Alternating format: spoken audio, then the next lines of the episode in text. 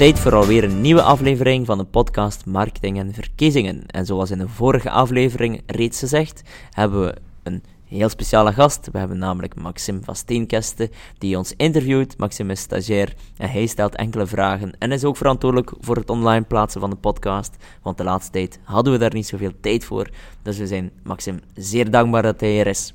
Deze keer zullen we het hebben over big data, het nieuwe goud in de politieke communicatie. En we zullen het hebben over hoe Obama big data gebruikte. We zullen het onder andere hebben over ons bezoek aan Cambridge Analytica, het datateam van Donald Trump. Maar we zullen ook kijken hoe het nu reeds gebeurt in Vlaanderen. Dus een heel boeiende podcast voor mij, big data. Is het echt een nieuwe goud volgens mij in de politieke communicatie. En ik hoop dat jullie hier heel veel inspiratie uit halen.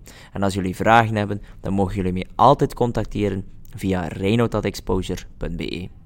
Welkom bij deze nieuwe podcast. Vandaag gaat het over big data. Uh, mijn eerste vraag voor jou, Reinoud. Waarom zijn big data zo belangrijk? Wel, uh, in politieke communicatie wordt vaak gezegd dat big data het nieuwe goud is uh, omtrent campagnevoer. Niet alleen eigenlijk om campagnevoer, ook bijvoorbeeld hoe je met uh, de community, met je vrijwilligers, met de leden omgaat. Hoe je die in campagnetijd dan efficiënt inzet. Bijvoorbeeld dan denk ik aan huis-aan-huis campagnes. Dus ja, het wel, er wordt wel, even, wordt wel eens van gezegd dat het een nieuwe goud is.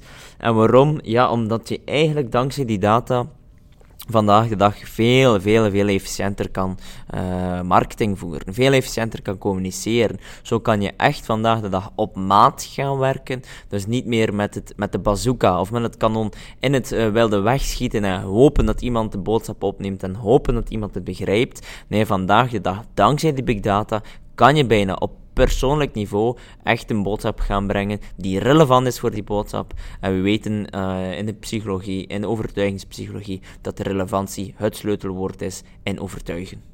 Ja, zoals bij de meeste trends is het overgewaaid vanuit Amerika. Obama was de pionier, wordt gezegd. Hoe ging hij specifiek te werk? Absoluut. Uh, de campagne van 2008 is bij de meeste mensen, de campagne van Obama dan, is bij de meeste mensen het best gekend. Hij wordt ook wel eens gezien als de eerste sociale mediacampagne, de eerste politieke campagne die sociale media op een zeer effectieve, zeer strategische manier heeft ingezet. Maar voor mij persoonlijk is de campagne van 2012 veel baanbrekender, omdat daar echt data voor het eerst werd ingezet. Um, ik denk in een vorige podcastaflevering uh, hadden we het daar al eens over. Om maar even te vergelijken, in 2008 dacht ik dat het campagneteam van Obama op persoonlijk niveau ongeveer 70 criteria van je wist. Op het einde in uh, eh, 2012, de campagne van 2012, lag dat item, of lag dat cijfer rond de 1000. Rond de 1000 items, 1000 criteria wisten ze van jou als persoon. Dus die data, die gebruikten ze uiteraard voor hun politieke campagne. Enkele leuke, ja, leuke experimenten die ze hebben uitgevoerd. Eén daarvan is die met um, met George Clooney. Dus wat hadden ze specifiek gedaan? Ze hadden, uh, ja, ze hadden gezien in de data dat bij de potentiële Obama-kiezer en bij de Obama-kiezer toekoer eigenlijk George Clooney een zeer populair figuur was.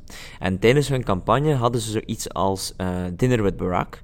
En dan kon je, wanneer je 25 dollar doneerde, dan had je eigenlijk, of dan maakte je kans op een etentje met Barack Obama himself.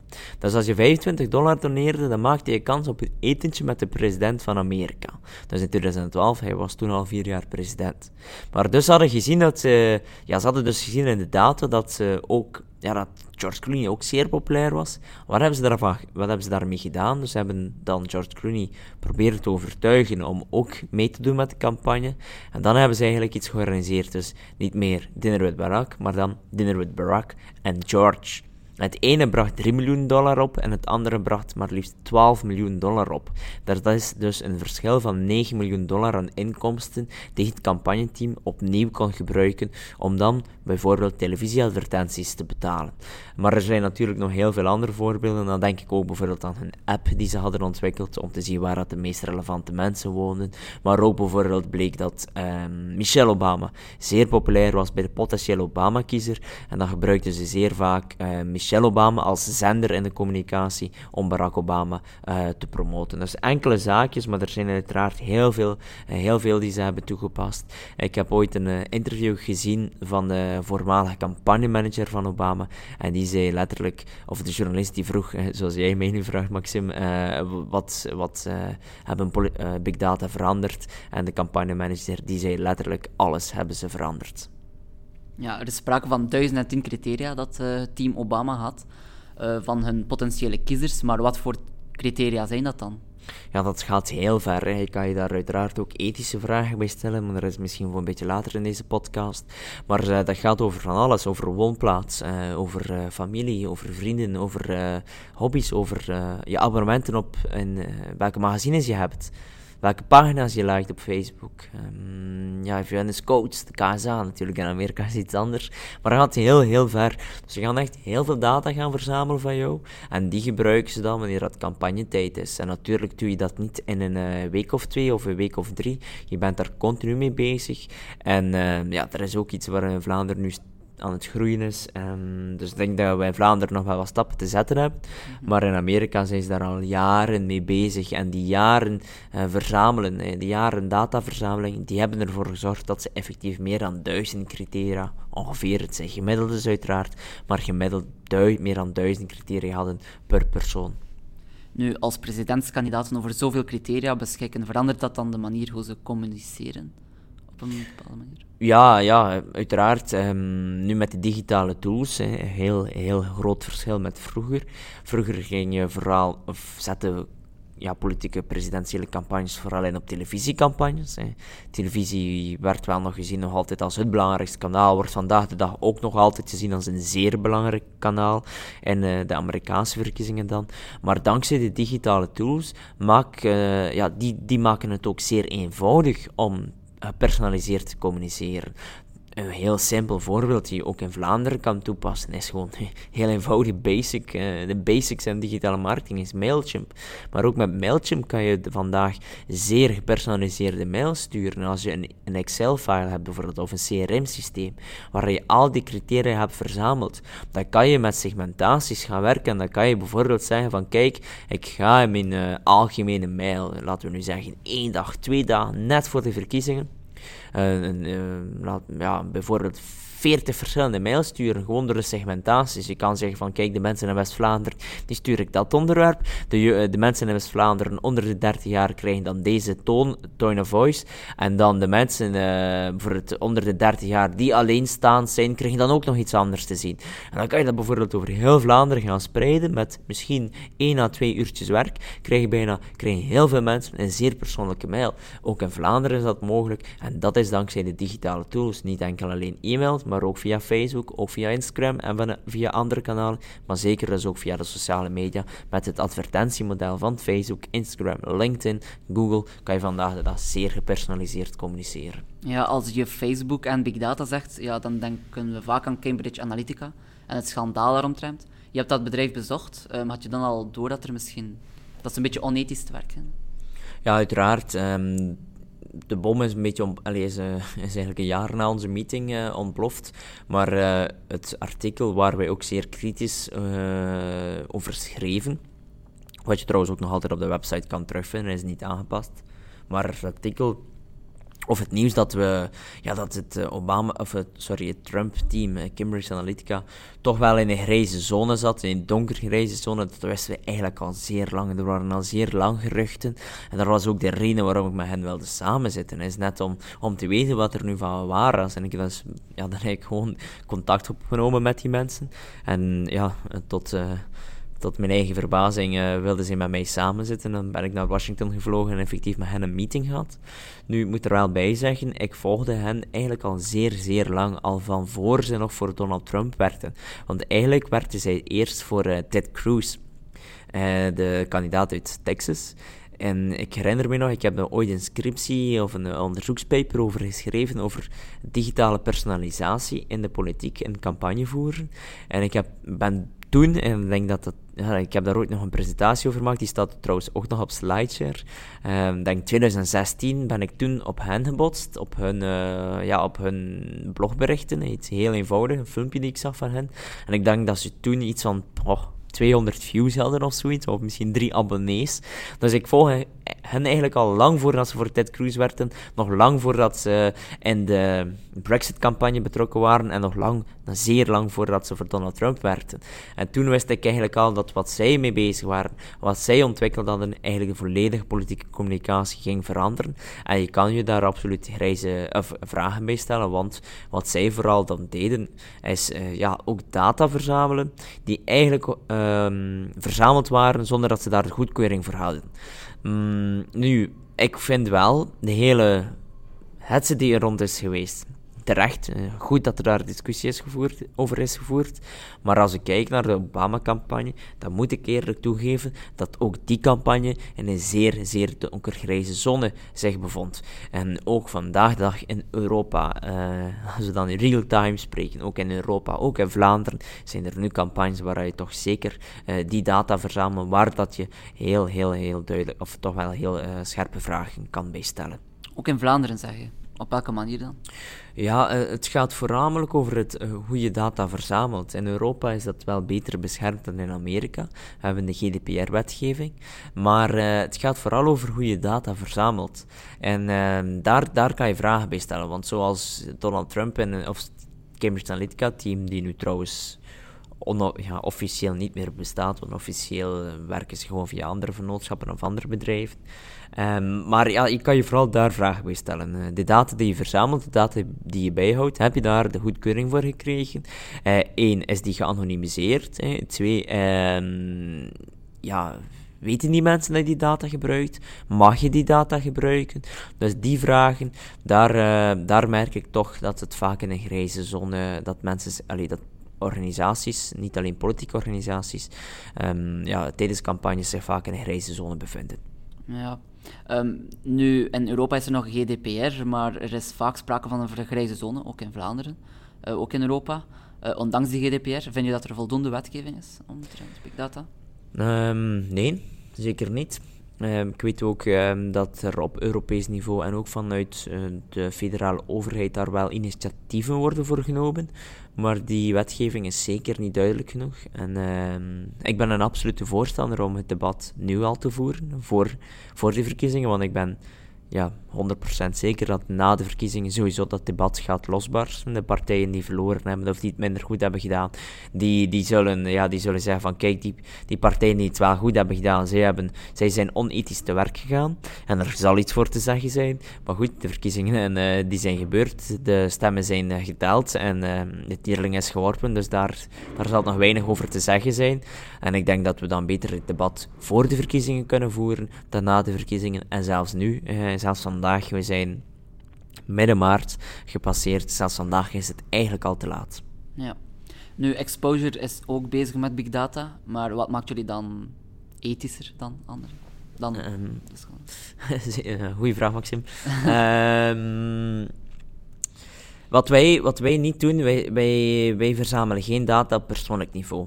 Dus wij gaan nooit weten wat een persoon individueel heeft geliked, of we gaan dat tenminste toch nooit ook gebruiken in massacommunicatie. Uiteraard kunnen wij de Facebook-likes uh, bekijken, uiteraard kunnen wij de post, de berichten bekijken en wie heeft dat geliked. Maar wij gaan die persoonlijke uh, persoonlijke data nooit gebruiken van mensen. Wat wij altijd gaan doen, wij gaan uh, ons eerder baseren op trends, uh, geanonimiseerde data en op massacommunicatie. Dat wil zeggen dat wij bijvoorbeeld wel pagina's screenen. Wij hebben eigenlijk ook onze eigen software om dat te doen. Dus wij gaan bijvoorbeeld uh, data van de concurrentie bekijken en dan daar analyses op doen. Een heel concreet voorbeeld, stel we zijn een politicus uh, die zich wilt focussen, of een politica die zich wilt focussen op uh, ondernemers, zij heeft bijvoorbeeld een van haar speerpunten draait om ondernemerschap, dan zouden we in haar regio, in haar provincie, de lokale Unizo-afdelingen, de lokale VOCA-afdelingen of enkele andere ondernemersverenigingen, die data zouden wij allemaal kunnen gebruiken, zouden wij allemaal uh, kunnen verzamelen, dat kan met onze software. En die kwantitatieve analyse gaan we dan combineren met de kwalitatieve analyse. Dat wil zeggen dat we dan op basis van de verzamelde data kijken welke onderwerpen het best scoren. Maar ook welke stijl het best scoort, welk tijdstip het best werkt, uh, met welke hashtags. Dus al die kwantitatieve analyse, die verzamelen, kijken we naar likes, shares, comments en nog andere zaken. En dan gaan we op basis van de kwantitatieve analyse, bijvoorbeeld welke onderwerpen werken het best, welke stijl werkt het best, dan gaan we die uh, door onze psychologische analyse.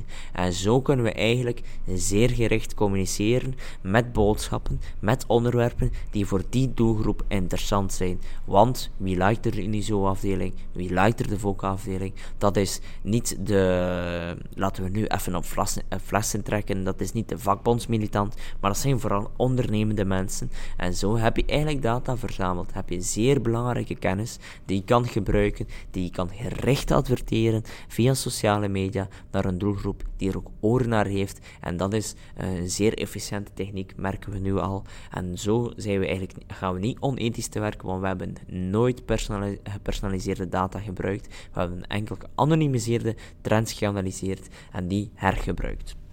Ja, en gaan Vlaamse politieke partijen op dezelfde manier te werken of proberen ze hun eigen manier te vinden? Um, ja, zelf kan ik daar mm, ja, wat moeilijker op antwoorden, omdat ik ben betrokken tot heel veel campagnes over alle partijgrenzen heen. Dus ik ga, ik ga het niet hebben over één bepaalde partij, over een bepaalde partij. Ik werk ook voor heel veel lobbygroepen, NGO's, uh, drukkingsgroepen, uh, belangenbehartigingsgroepen. Dus ja, die werken ook wel op een gelijkaardige manier. Dus ik zou het wel een breder trekken dan enkel alleen een politieke partij. Maar uh, hoe zij dan te werk gaan, ja, wij, wij werken op onze manier heel veel voor politieke organisaties, op die manier dus.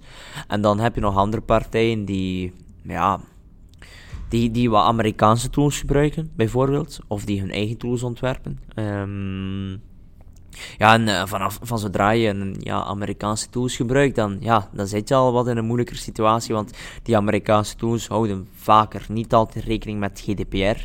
En die hebben ook een heel ander systeem van campagnevoer, die niet altijd op de Vlaamse maat zijn gemaakt. En ja, dan, ja, dan zit je opnieuw in de grijze zone. Dus de partijen gaan niet altijd even ethisch te werk?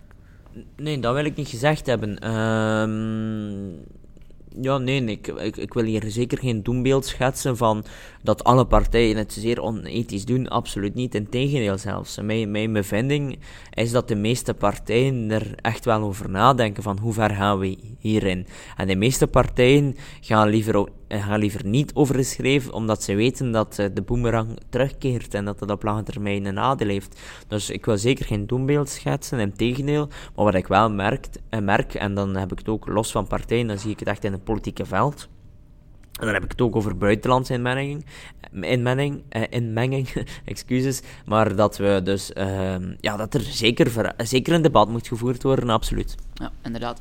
Zullen Big Data gevolgen hebben de verkiezingen in mei? In het buitenland zien we dat Big Data wel een invloed heeft?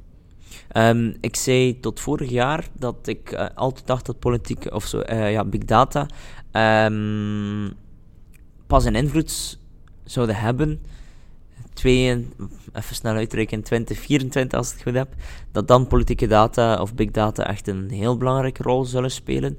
Maar ik moet nu wel vaststellen dat, um, ja, dat het nu toch ook al een rol zal spelen. Daar ben ik van overtuigd.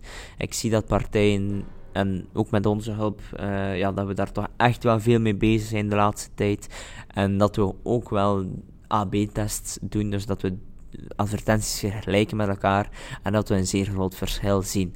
Dus het zal zeker nu al in 2019 een belangrijke rol spelen, maar de dataverzameling die is eigenlijk het belangrijkste. En hoe langer je daarmee bezig bent, hoe effectiever het campagnevoeren gebeurt. Dus ik denk 2019 zal het zeker zijn rol spelen, maar in 2024 en de jaren en de tijd daarnaartoe zal het zeker nog een grotere impact hebben. Dus big data staat nog in een kinderschoen. In Vlaanderen staat het nog in zijn kinderschoenen, maar het is niet meer dat het uh, nog uh, maatje 22 is, maar uh, we, zijn we zijn sterk aan het groeien. En ik denk in 24 dat we zeker ook ehm, ja, op internationaal vlak onze voet zullen ernaast gezet hebben. Al dat wij in Amerika en andere in buurlanden toch zien dat ze nog altijd een stapje voor zitten in de toekomst wordt het almaar belangrijker. Dat is een mooie conclusie uiteindelijk om ons gesprek mee af te ronden. Dan rest er mij enkel nog jou te bedanken, Reinhard, voor je expertise. En uh, tot de volgende podcast. Tot de volgende podcast. Hopelijk haalden jullie heel veel inspiratie uit deze podcast. De volgende aflevering zullen we het hebben over beleidscommunicatie. Opnieuw een trend die ik eigenlijk heb gezien in Amerika en in Nederland. Eentje waarvan ik denk dat we ook in Vlaanderen absoluut moeten op inzetten. Maar dat is dus voor de volgende podcastaflevering. Hebben jullie nu al vragen? Dan mogen jullie mij altijd contacteren via reinoud.exposure.be. Jullie mogen mij altijd, ook altijd iets laten weten als je een vraag hebt voor een opleiding of hulp nodig hebt bij uitvoerende campagnes. Heel veel succes en laat gerust iets